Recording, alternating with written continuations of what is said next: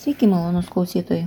Aš Monika Kuzminskaitė, sveikatos ir mytybos psichologė ir čia šaukšto proto tinklalaidė. Darian Leader. Kodėl mes nemiegame? Įtraukiantis gydas po žmonijos miego istoriją ir šio laikinės nemigos priežastis. Priežastis gal. Taip vadinasi knyga, kurią noriu Jums pasiūlyti.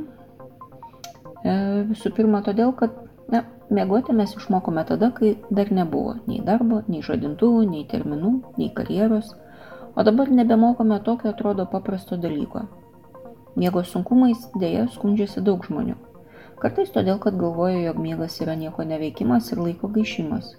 Kartais todėl, kad tiek daug veikia dieną, jog galva nespėja per naktį visko pabaigti šiaip ar taip suprasti, kaip ir kodėl veikia miegas ir kaip iš tiesų naktį pasisemti jėgų, atkurti pažeistas organizmo vietas, rasti atsakymus neatsakytus klausimus yra svarbu.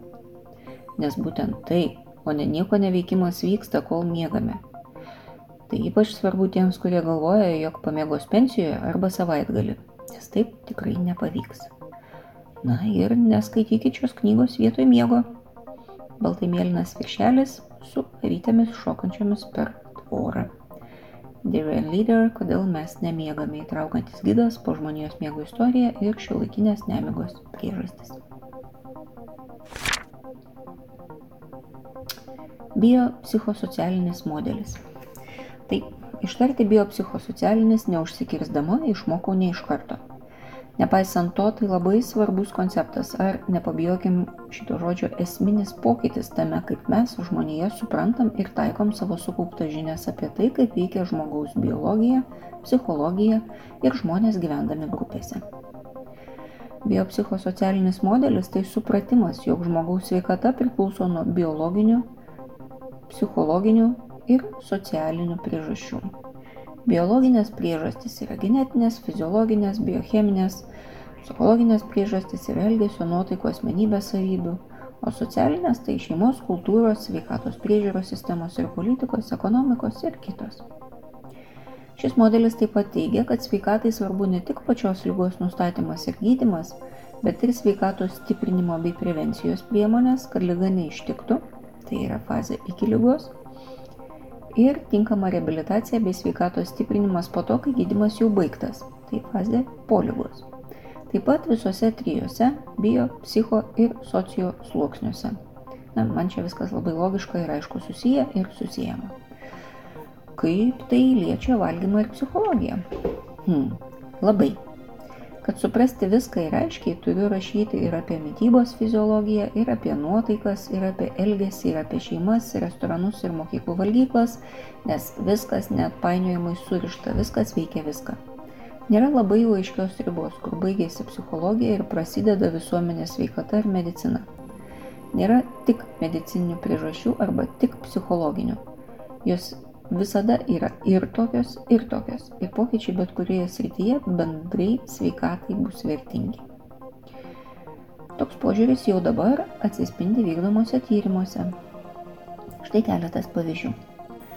8-11 metų amžiaus e, vaikų tyrimė nustatyta, kad vaikams pradėjus domėtis savo kūno svoriu reikšmingai yra susiję visi veiksniai Biologinis kūno masės indeksas reikšmingai lemia psichologinį susirūpinimo ir nerimo dėl kūno lygį, o pagrindinės planuojamų pokyčių, kas irgi yra psichologinis elgesio veiksnys, e, priežastis buvo suvokiamas spaudimas iš bendramžių, žiniasklaidos priemonių ir tėvų. Vaikų maitinimą aiškinantis biopsichosocialinis modelis teigia, jog svarbu atsižvelgti į aplinkos veiksmus, kur ir kada valgoma, kokie žmonės valgo kartu taip pat į susijusias ligas ir rizikos veiksnius alergijas maisto produktų netoleravimą maistą ribojančias ligas ir panašiai.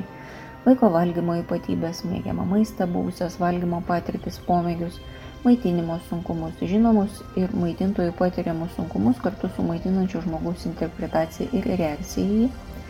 Prastus maitinimo rezultatus vėl kartu su maitinančio žmogaus interpretacija apie potencialias pasekmes valgymo grafiką maitinimo įpročius kokia įprastinė rutina kodėl ji yra tokia ir kaip ji veikia ir valganti ir gaminanti ir maitinanti žmogaus kuris prižiūri vaiką ypatybės. O galvojat kad čia tik košės saldumo klausimas? Nepaaiškinamus pilvo skausmus gydytojai dabar taip pat yra linkę aiškinti apibūdindami ne tik biologinius veiksnius, bet ir psichologinius, o taip pat asmeninės patirties ir kultūrinės aplinkos veiksmus.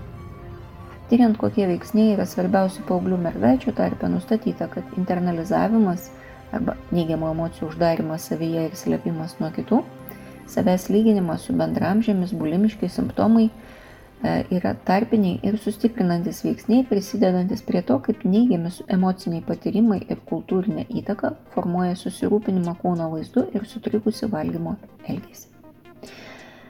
Taigi, viskas su viskom susiję. Liga nepraeina vien tik geriant vaistus, net nekreipdami dėmesio į tai susikūrėte emociškai ir fiziškai palankę aplinką. Įmat šiltą apklotą, žiūrit smagius filmus, atidedat darbus ir susirinkimus, mėgat be žadintuvo, e, daugiau kalbatės telefonu arba čatuose, prašot kažko pasidėti šalia. Visą tai daro tam, kad pasveiktumėt greičiau. Intuityviai naudojat visus įmanomus būdus ir biologiniam ir socialiniam ir psichologiniam lygmenį. Ir čia tik mažas pavyzdys.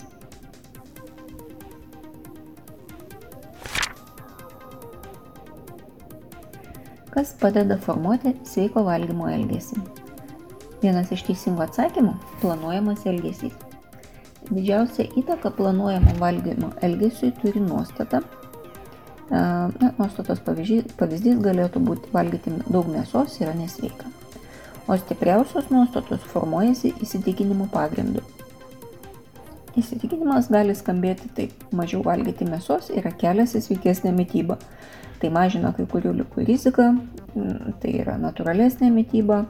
Na, arba gali turėti įsitikinimą ir priešingą, kad mėsos ilgesys bus nepakeliamas. Nuostatas taip pat stipriai veikia aplinkos bendramžių ir šeimos narių spaudimas. Elgesio pokyčiui taip pat svarbu, ar tikime, kad pokytis mūsų rankose. Tai yra, ar suvokiam elgesio kontrolę.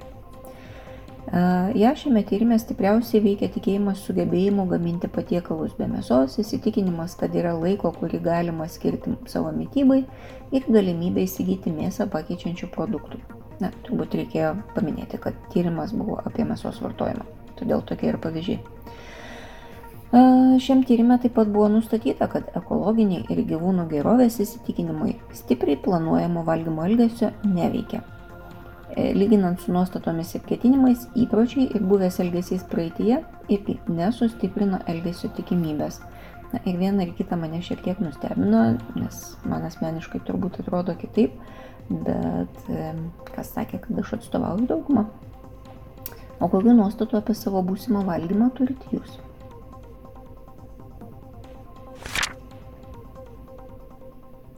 Jau žinome, kad tėvų patiriamas stresas yra reikšminga vaikų nutukimo priežastis.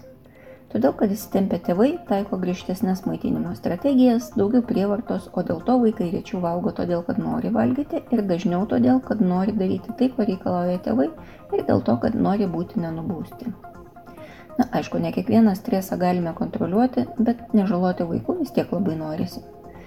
Vienas iš gelbsinčių veiksnių, kuriuos tikrai kontroliuojame ir kuris gali mums padėti, yra produktyvus dalymasis tėvystės pareigomis šeimoje. Jei vaikų priežiūra, o ypač maitinimu užseima visi namuose gyvenantys suaugusieji ir daro tai sutartinai, draugiškai, palaikydami vienas kitą, taikydami vienodus reikalavimus, tai mažina vaikų nutukimo riziką net tada, kai tėvai patiria stiprų stresą. Na ir noriu dar sėki jūsų paklausti, ar jūsų vaikų maitinimo pareigos tenka tik vienam šeimos nariui, ar dalyjatės šią veiklą su kitu ar kitais suaugusiais. Ar jums tokia strategija tinka? Tiesą sakant, e, na, žiūrint, kur klausote šito podcast'o, būsiu labai dėkinga už komentarus, jei iš tiesų pasidalintumėt savo nuomonę, man tikrai labai labai daug. Patyčios internete nėra nei naujas, nei nereikšmingas dalykas. Su jomis doroti sudėtinga todėl, kad ir užpolikas, ir auka nėra realioje akistatoje ir nėra kam įsikišti, kad visa tai sustotų. Na, tiksliau, stebėtojų yra, bet jie ir nematomi ir jiems lengviau nuspręsti, jog tai ne mano reikalas. Šiame tyrime buvo nustatyta, jog vienas asmenybės bruožas ypač tiesi ir su internetiniu užpoliko vaidmeniu, ir su aukos vaidmeniu. Tai yra polinkis kaltinti kitus. Užpolikui tai leidžia pateisinti savo agresyvius veiksmus, o aukai tai leidžia pateisinti savo bejėgiškumą. Ir kai du tokie žmonės susitinka, matyti ir susidaro patyčioms palankios sąlygos. Na, man atrodo, kad kalbant apie patyčias, tam nebūtinai skiriama daug dėmesio, nors tai būtų labai prasmingas pasiruošimas tokiam situacijom. Daugiau dėmesio kreipiant į tai, ką aš pats ar pati galiu ar negaliu padaryti konkrečioje situacijoje, o neperkeliant už tai atsakomybę kitam, greičiausiai prie patyčių net ir neprieitumėm.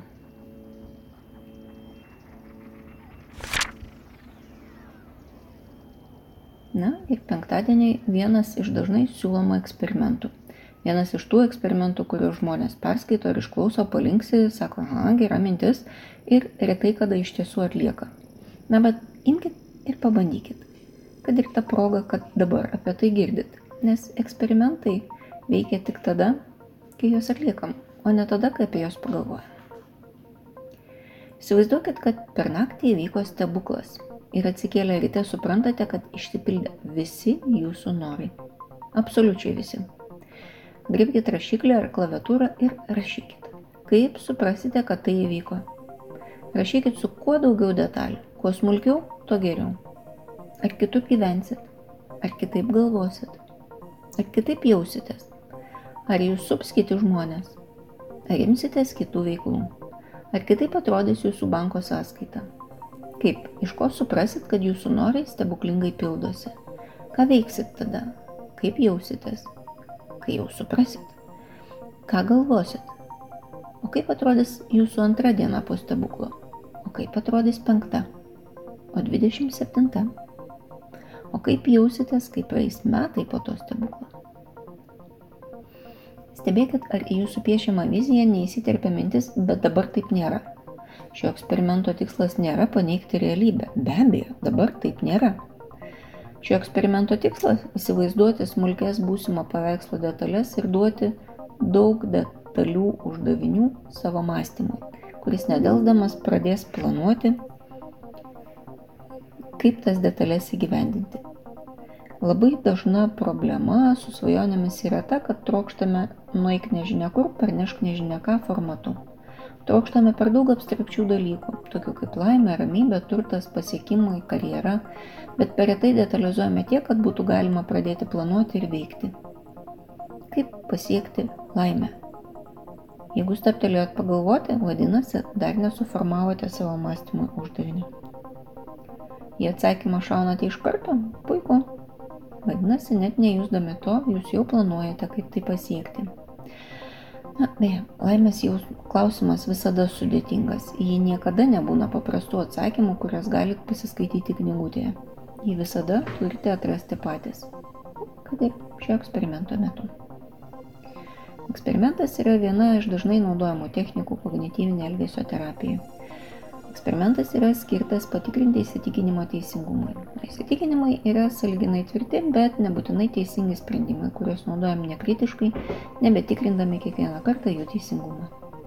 Klaidingi įsitikinimai gali metų metais mus vesti neteisingų kelių, taip ir nesuprantant, kas su manim, ar su kitais, ar su pasauliu yra negerai. Eksperimentas leidžia atpažinti klaidas įsitikinime ir stovint akistatui su nauja informacija, jį pataisyti ir perkonstruoti iš naujo. Šiai savaitė tiek. Aš Monika Kuzminskaitė, sveikatos ir mytybos psichologė, padedu spręsti kasdienius ir sudėtingus elgesio, mąstymo ir emocijų klausimus.